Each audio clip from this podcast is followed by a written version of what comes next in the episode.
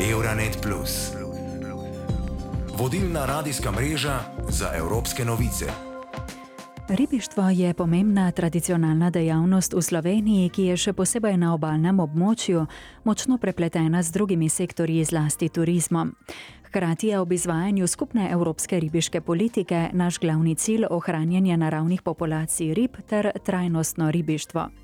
Za trajnost pa imamo tudi vse naravne danosti, ali kot pravi Nina Štros, vodja Greenpeacea v Sloveniji, je na slovensko ribištvo možno gledati tudi kot na butično. Glede na majhnost torej slovenske obale, pa priobalnega pasu, ne, je potrebno gledati na slovensko ribištvo mogoče malo drugače kot pa na ribiške flote nekih večjih morskih držav.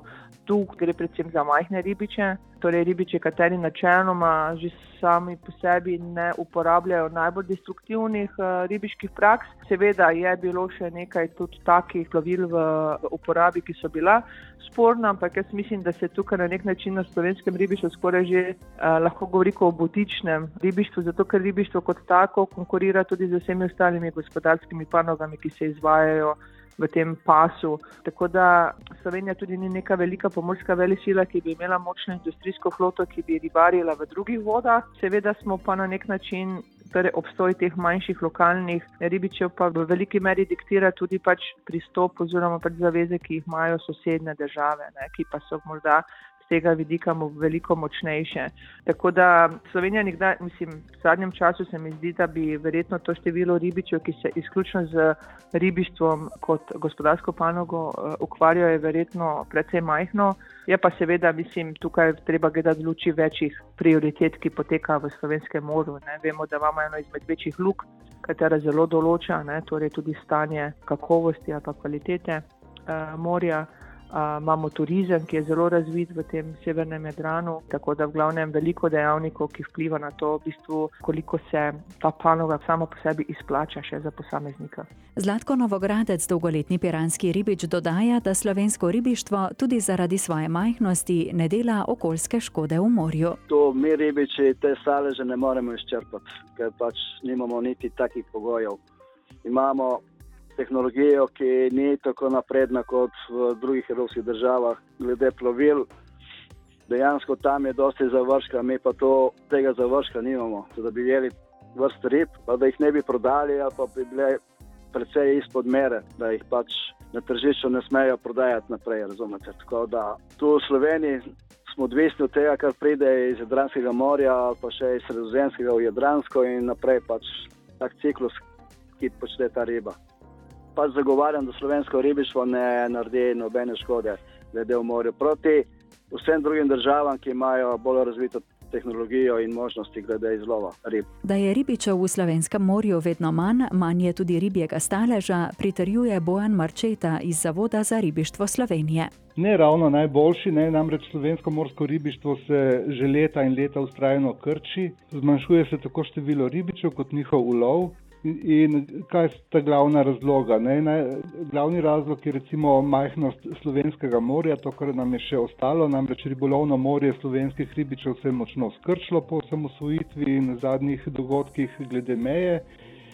Močan vpliv pa ima tudi stanje staležev v Jadranskem morju, ki pri mnogih vrstah ni najbolj zadovoljivo. Ne? Še vedno so določene vrste močno prelovljene in to se kaže tudi pri nas.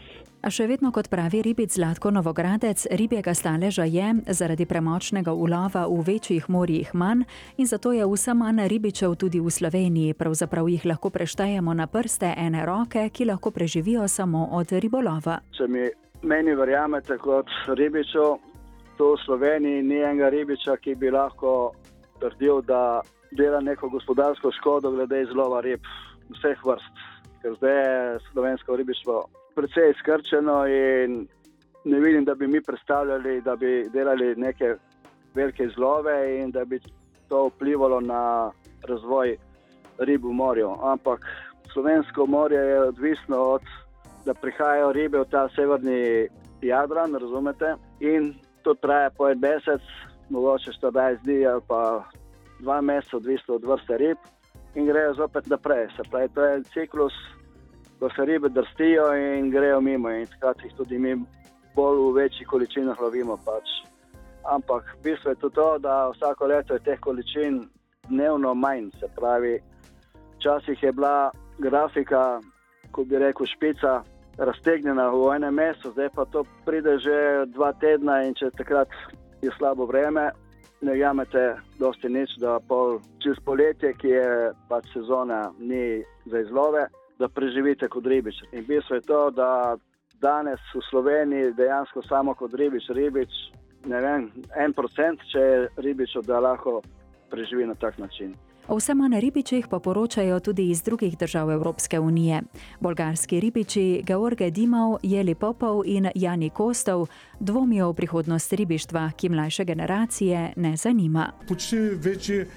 Ribištvo skoraj ni več poklic, kot je bil v preteklosti. Zdaj gre za bolečino. Število rib je v upadanju. Veliko stvari nas omejuje. Le ljubezen do morja nas žene naprej. Se nam je na 40 godine. Moj sin je star 40 let. Na ribolov pride samo, ko si vzame 10 dni dopusta. Prihaja jeseni, ko so v Črnem morju velike ribe. Je poročen z otrokom s kreditom. Kako bi lahko prišel sem, da bi preživljal družino? Ne gre. Ko nas ne bo več, bodo otroci prodali prostore in ribolov bo izginil. Zanimanje za ribištvo zaradi različnih dejavnikov, med drugim tudi zaradi naravnih vplivov in pa tudi zaradi neenakomerno razdeljenih denarnih sredstev, upada v Latviji. Tamkajšnji ribič Andris Cirulis. Ribištvo je upadlo zaradi različnih dejavnikov, a največji problem na obali so tjulni, ki pojedo velik delež ulovljenih rib, prav tako trgajo tudi ribiško opremo. Če težave s tjulni ne bi bile tako velike, bi lahko kaj ujeli. Dobro, ne bi šlo za veliko ton, a vsaj lokalni trg, lokalno prebivalstvo bi lahko preskrbeli s kakovostnimi ribami. Nadalje v zadnjih letih je tudi odnos države do obalnega ribištva, milo rečeno, zadržan. Država je sprejela sredstva Evropske unije. V Latviji, za razliko od Estonije in drugih držav, so obalni ribiči prejeli zelo malo sredstev. Latvija, predvsem ta Iglavnija, v Apsavstvi, je kar zdaj nekaj minut nas ļoti maz. Evropska ribiška politika sicer že nekaj let želi vrniti vrednost majhnim ribičem, ki so tudi najpogosteje prisotni v Evropi in se sicer zaradi velikih in pogosto uničevalnih ribiških ladij borijo za preživetje. Nadaljuje Nina Štros iz slovenskega Grimpisa. V Evropi, če pogledamo, ne glede na kvoto ribičev, prevladujejo mali ribiči, ne, torej tisti ribiči, kateri načeloma uporabljajo bolj trajnostne metode ribarjenja in imajo tudi manjši vpliv. Seveda največ ulova oziroma najbolj te destruktivne prakse pa so se pojavljale oziroma v določeni meri se še pojavljajo pač za strani teh največjih ribiških flot, ne, teh industrijskih. Z sprejetjem skupne ribiške politike ne, se pa je v bistvu poudaril pomen teh majhnih trajnostnih ribičev in to se na nek način uskladilo z dodeljevanjem kvot. Torej, mi znanost pač je jasna, ne, kakšno je stanje ribiškega staleža v morjih, ne samo v, bistvu v evropskih vodah, ampak tudi izven. In na podlagi tega se pač potem določa neke ribolovne kvote. Ne. Seveda, tako kot v vsaki stvari, ko je politika pač prisotna, ne, so kompromisi včasih tudi ne nujno najboljši, ampak prav tu na nek način se je dala možnost, da a, majhni ribiči pridejo do večjega sorazmernega deleža teh kvot in s tem se tudi pač zagotovi nek drugačen pristop k razvoju teh lokalnih ne, ekonomij in se zagotovi tudi živeti za te manjše ribiče. Seveda, še večino ulova ne, tega industrijskega pač prihaja ze strani a, teh večjih, bolj destruktivnih ladij, morda so se premaknili bolj izven evropskih moja, ker pač stanje ribjega staleža, če gledamo čisto globalno, ne, je zaskrbljujoče. Ni pa to edina stvar, katera vpliva na, pač na kakovost oziroma na stanje naših oceanov in morij. Ne. Tu imamo pač dejavnike onesnaženja, pač zdaj se pojavlja zelo tudi to globokomorsko rudarjenje, ne, katere resno ogroža morske ekosisteme, potem pa seveda vse ostale gospodarske aktivnosti potekajo ob obali, na obali in pač v tem priobalnem pasu, ne, kot je pač turizem, nautični, pomorski promet in tako naprej. Pomembno pa danes na odnos ribištva in posledično tudi na njegovo konkurenčnost vpliva vojna v Ukrajini in energetska kriza. Bojan Marčeta iz Zavoda za ribištvo Slovenije. Ja, vojna v Ukrajini je gotovo povzročila dvig cene goriv in, in to ne, neposredno vpliva na ekonomiko slovenskega ribištva, pa tudi ostalih ribištev v EU-ju. To pomeni, da je uložek da, precej večji v, v goriva, v vzdrževanje plovil in tako naprej. Skratka, na tem področju cene rastejo, na drugi strani pa Eh, cene rib ne, ne, dosl, ne, do, eh, ne sledijo temu trendu. Ne. In prav zaradi visokih cen goriva so drugače začeli loviti tudi hrvaški ribiči. Kakšnih posebnih okoljevarstvenih ukrepov niso sprejeli, so pa začeli paziti na ekonomično osvetlitev ter čim manj potratne motorje. Ribič Damir Uhač. Mreže uvijek iste, brodovi uvijek isti. Mreže so vedno enake, čovni so vedno enaki, način ulova se ni spremenil. Ko gremo naprej, malce smo spremenili razsvetljavo, zdaj uporabljamo varčno let razsvetljavo. In oprema je v tem sodobnem času vse 3D s pomočjo računalnikov. Ne ugrajujemo več močnih motorjev, ampak nove, modernejše, ki čim manj porabijo.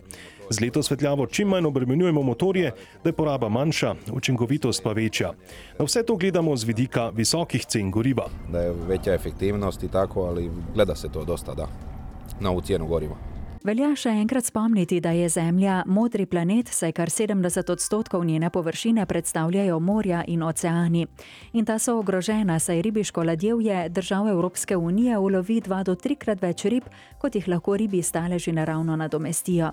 Ob tem se poraja vprašanje, ali ima slovensko ribištvo sploh prihodnost. Vse, kar se okolja tiče, ima samo po sebi pogoje, ki ga uvrščajo med okoljsko vzdržne in trajnostne, pa tudi Bojan Marčeta iz Zavoda za ribištvo Slovenije povdarja, da bo slovensko ribištvo vsekakor obstalo, bo pa v majhnem oziroma v še manjšem obsegu, kot je danes.